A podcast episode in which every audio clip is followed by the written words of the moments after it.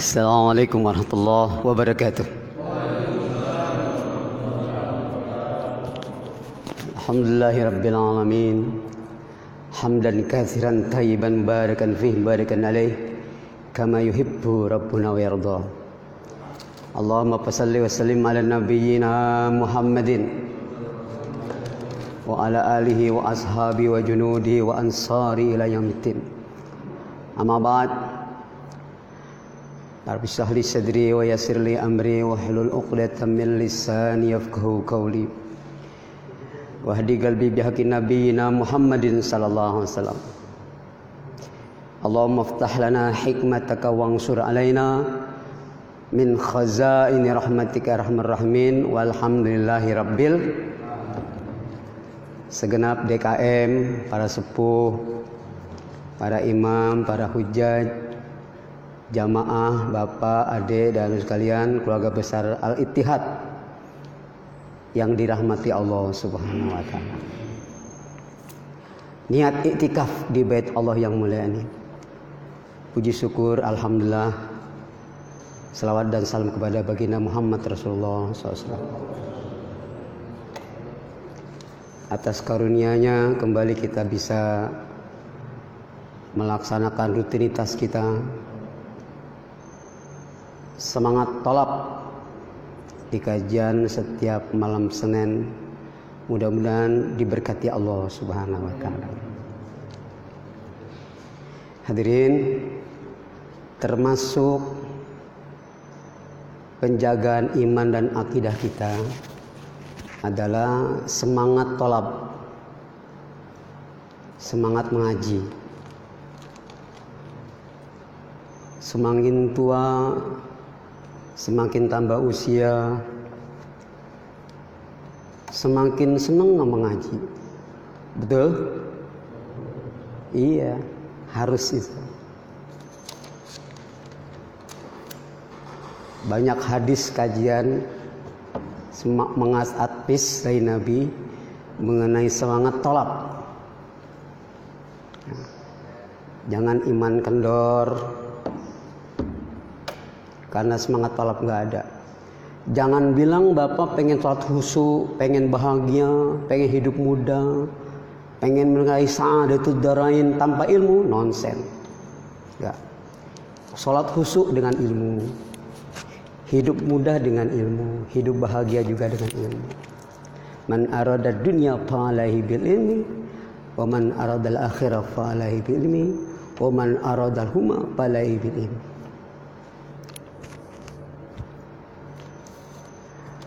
Alim kitab Muhtarul Hadis hadis pilihan. Hadis ke-84. Nabi sabdakan utlubul ilma. Pakai wawu jam'a. Utlubu al ilma ngajilah kamu semua. Bentuk muzakkar. Mu'anas ittiba.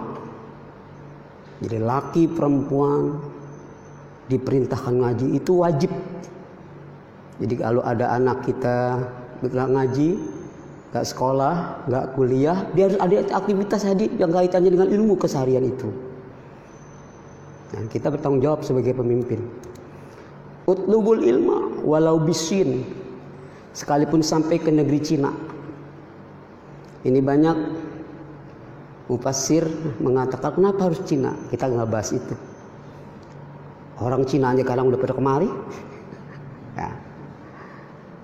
Jauh jangkauannya, berat pelaksanaannya, gede biayanya harus ditempuh Pak. Bayangkan 15 abad yang silam Nabi udah betutur sedemikian betapa konsen kita terhadap ilmu.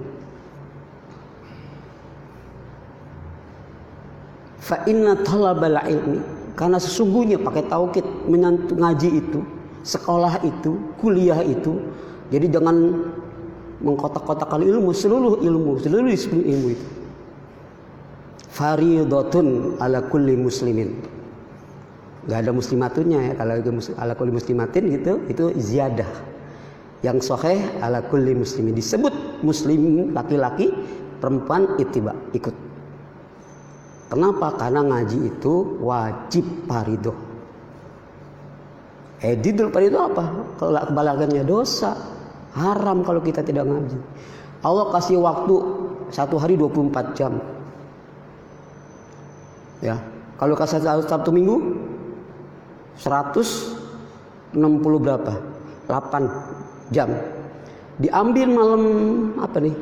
Malam Senin satu jam masih berapa ratus lebih tuh jam di minggu. Kita masih perek juga malam malam Senin. Lah haula wala quwata jangan jangan perekin ya siap. Profesor doktor pekerja keras pejabat kasih waktu sama 24 jam. Tapi ingat kualitas keilmuan kita menentukan itu menentukan sejauh mana kita dekat nikmat dalam beribadah dekat dengan Allah Subhanahu wa taala. Jangan ngurusin kantor, bisnis, pensiun, kerja keras segala macam lupa sama ngaji dan ibadah.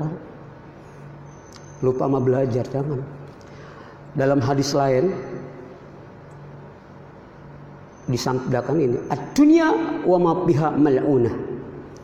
Dunia bersaisi semua dilaknat terlaknat.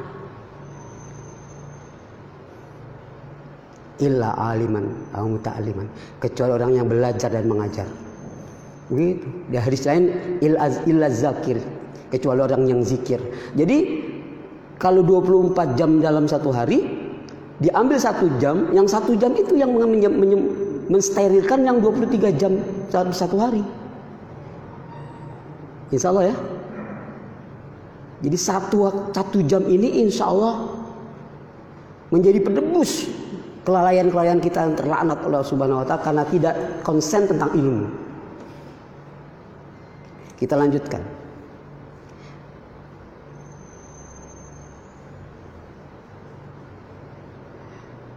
Innal malaikah sesungguhnya para malaikat bentuk jamak itu malak. Malakani malaika. Tadau astiha.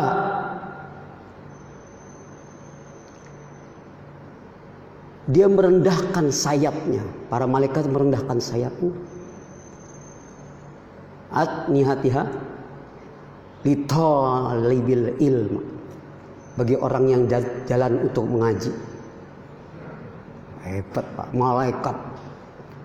Keagungannya, kebesarannya, tasbih dan doanya direndahkan sayap kemuliaannya bagi orang yang menapakkan kakinya untuk belajar ngaji.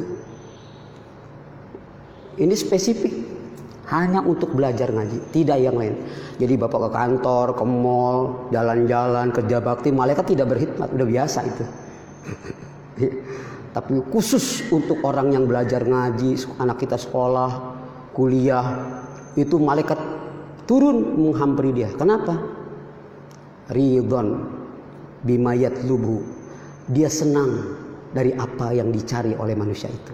Jadi malaikat senang sama kita pada ngaji ini. Alhamdulillah. Artinya malaikat tidak suka dari dari hal-hal selain ini. Jadi kita harus belajar Belajar membiasakan supaya enak, senang dalam mengaji.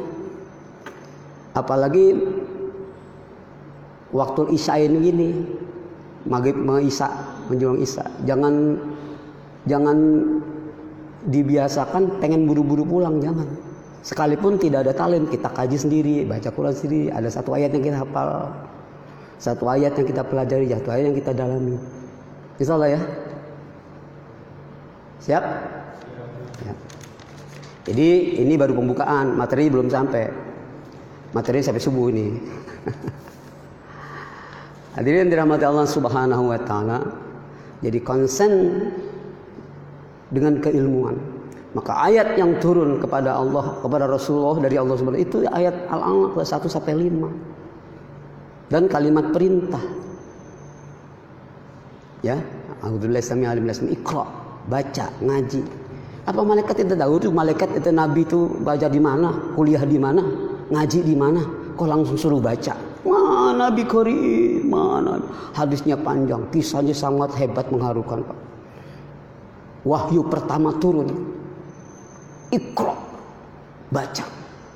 Mana saya tidak baca, saya tidak bisa bisa baca. Begitu digambarkan dalam hadis yang panjang. Jadi kita dari berbagai hadis, kajian yang kita dengar, advis semangat dari Rasul tumbuh giroh kita semangat. Dari apa yang kita dengar kita baca kita lihat itu semua harus wawasan keilmuan. Karena salat husuk dengan ilmu.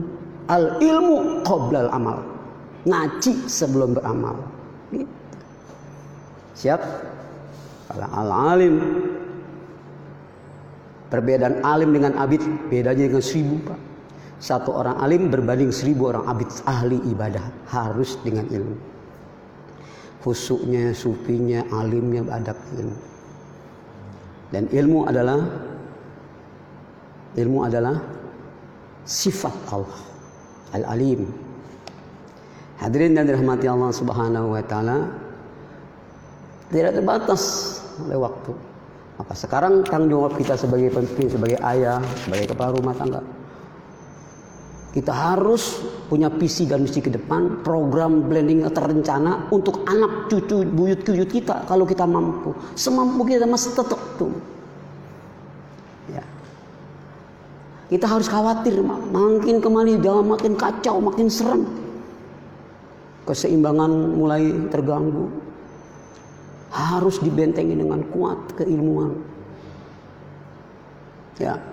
Rubah tangga sakinah mawadah dengan ilmu Surat 4 An-Nisa ayat 9. Udah ketemu belum? Surat berapa?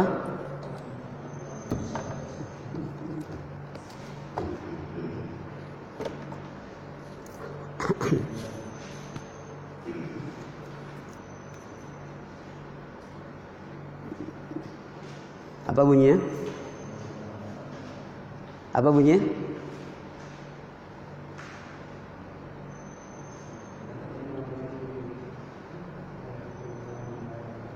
Surat 4, surat ayat Udah ketemu belum? Ustaz? Ya? Iya, betul. Ya, coba dibaca dulu sama-sama.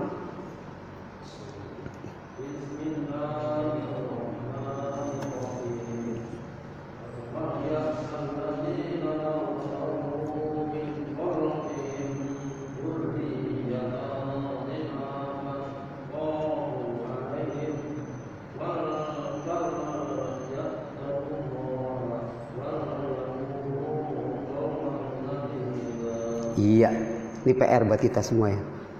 Tanamkan di rumah-rumah kita. Jadi tidak ada batasan selesai namanya belajar. Baca silakan artinya Pak.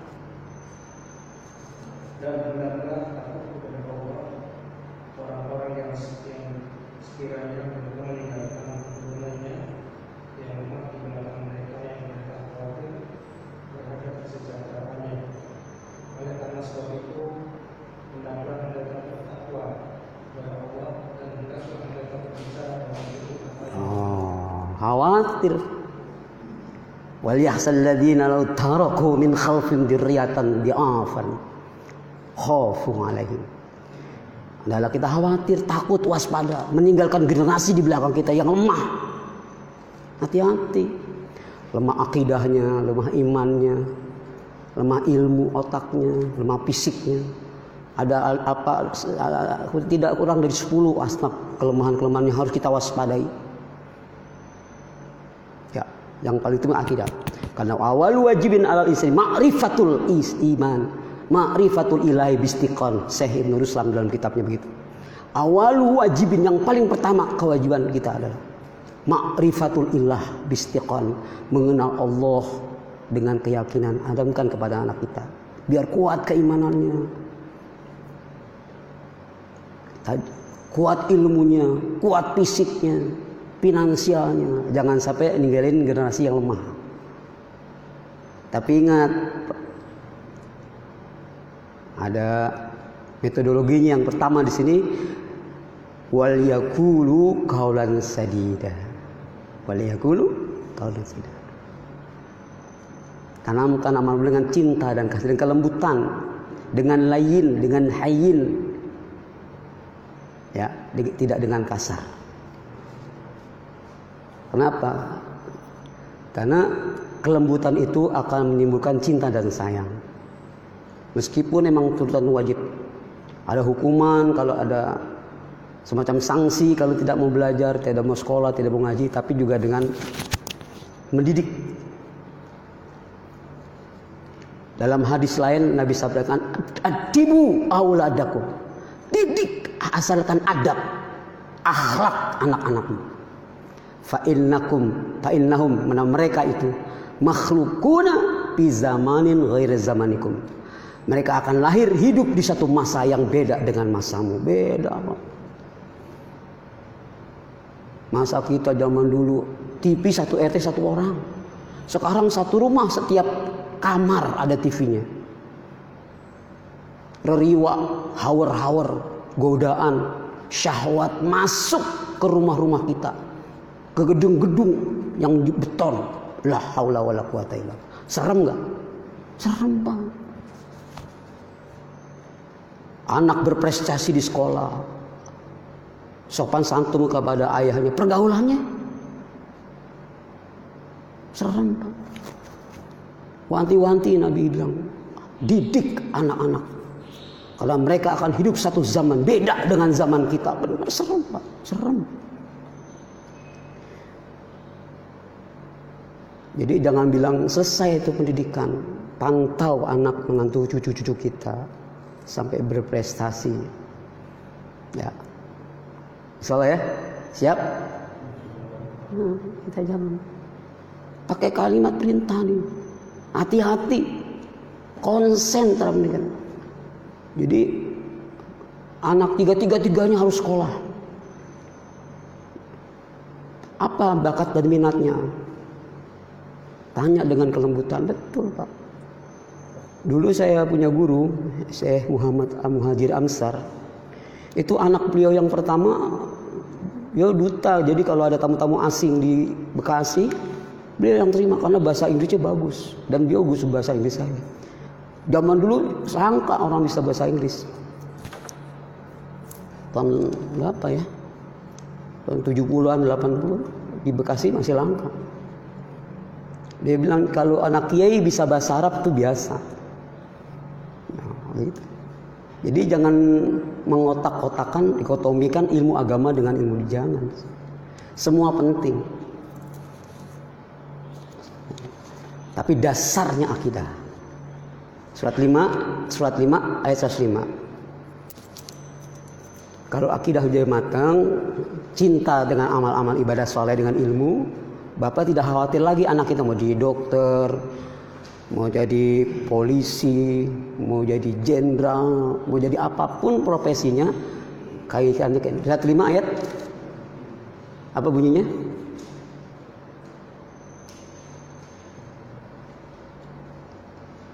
Ingat tadi surat apa tadi? Surat 4 ayat 9. Catat, jadikan program visi dan misi di rumah kita. Ya. Sekarang surat berapa? Surat 5 105 apa bunyinya?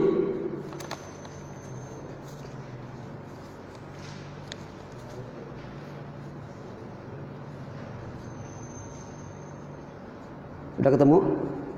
Ini, ini jari-jari kita nih yang beli pegang Quran kan jadi saksi. Siap? Harus rajin rajin juga. Mata kita memandang musab rahmatnya Allah.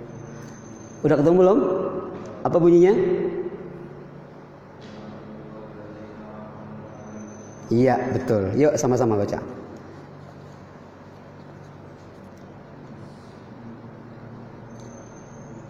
Udah siap? Bismillahirrahmanirrahim. Ya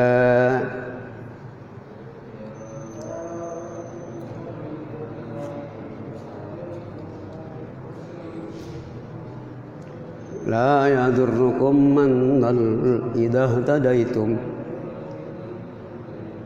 ilallahi marjiukum jami'a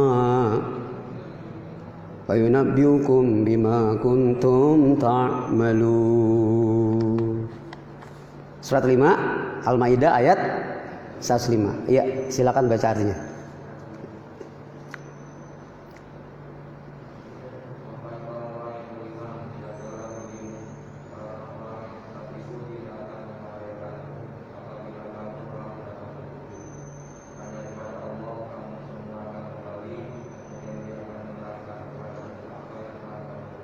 Iya. Ya ayyuhalladzina amanu. Hitop kepada orang yang beriman. Yang tidak beriman tidak hai. Kita punya iman kan? Kita dipanggil oleh ayat ini. Ya ayyuhalladzina amanu alaikum anfusakum. Wajib atas dirimu. Ini kewajiban kita.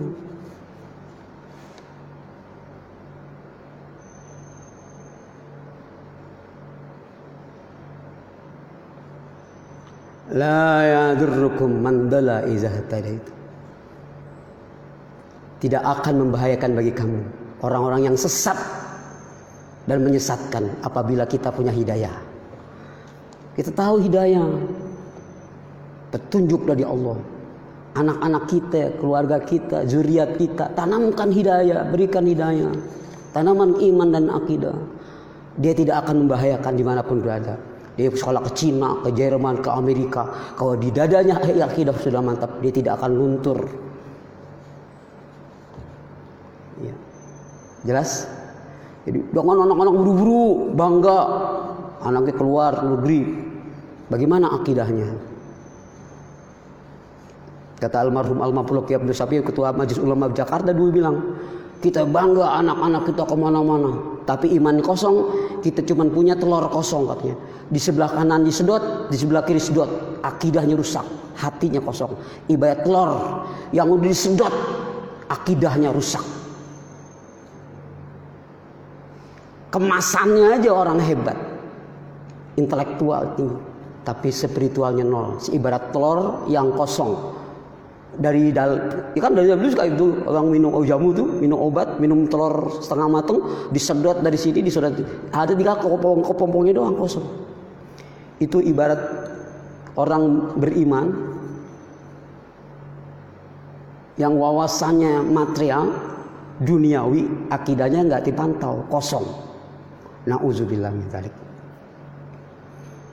ingat pak kita ini mazra'at dunia mazra'at Dunia ini ladang untuk akhirat. Jadi anak dan nantu kita, cucu-cucu kita, juriat kita akan mendoakan kita. Kita sebentar lagi. Betul. Kulum ijarata ibnu Adam apabila meninggal anak Adam in qata amal ila min salasin kecuali tiga. Salah satu di ada tidak waladin soleh yad'ulah anak yang soleh yang mendoakan. Ingat anak yang soleh, soleh dulu. Kalau anak kita soleh dan soleh, udah pasti dia rajin doa.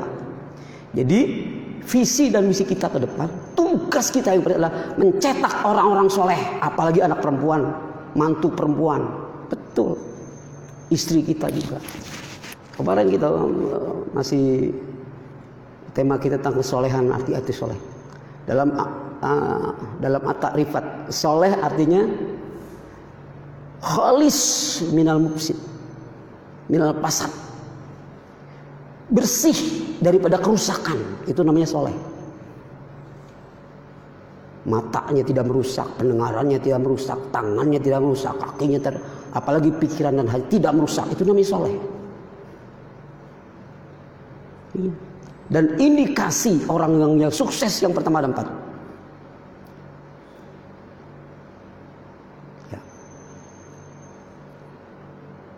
arbaun. Arbaatun atau arbaun min sa'adatil mar'i indikasi orang sukses. Berapa? Nomor satu dibilang Nabi bilang. Nomor satu antakuna zaujatu jaudatu solehatan istrinya orang soleha. Amin. Itu paling nomor satu disebutin Boleh jadi kita tidak punya posisi di kantor kita, tidak ada jabatannya apa di di masyarakat kita. Tapi kalau kita punya isi soleha, itu udah dunia di bilik kita. Betul. Dunia mata. wa khairu mata'iha al mar'atus soleha. Dunia ini mata benda yang dicari yang mahal harganya. Ada diamond, ada emas, ada jamrut, ada batu manikam. Tapi sebaik-baik itu sebaik-baik itu ah, khairu mata'iha sebaik-baik mata benda itu al mar'atus soleha. Jadi visi ke depan harus itu tugas kita mbak di rumah berat. Doa-doa kita banyak di kita yang banyak. Beban kita, biaya kita keluar sebanyak-banyak untuk cetak itu.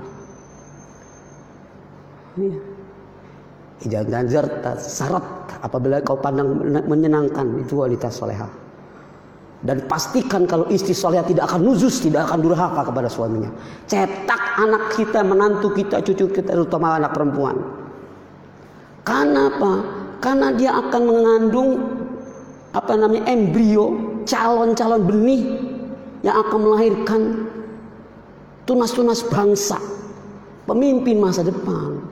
Dari wanita soleh, nggak mungkin dari wanita-wanita jalan, betul pak. Maka Nabi bilang dalam satu hadis, al umu madrasatul ula. Ibu adalah kampus yang pertama, madrasah yang utama sekolah yang paling pokok. Jadi kita cari hayrul linutufaikum. Cari untuk kamu salurkan spermamu di tempat-tempat yang indah, bibit-bibit unggul. Iya. Akan hadir pemimpin yang unggul dari wanita soleh. Harapan. Maka dalam hadis yang lain namanya Anissa imadul bilad.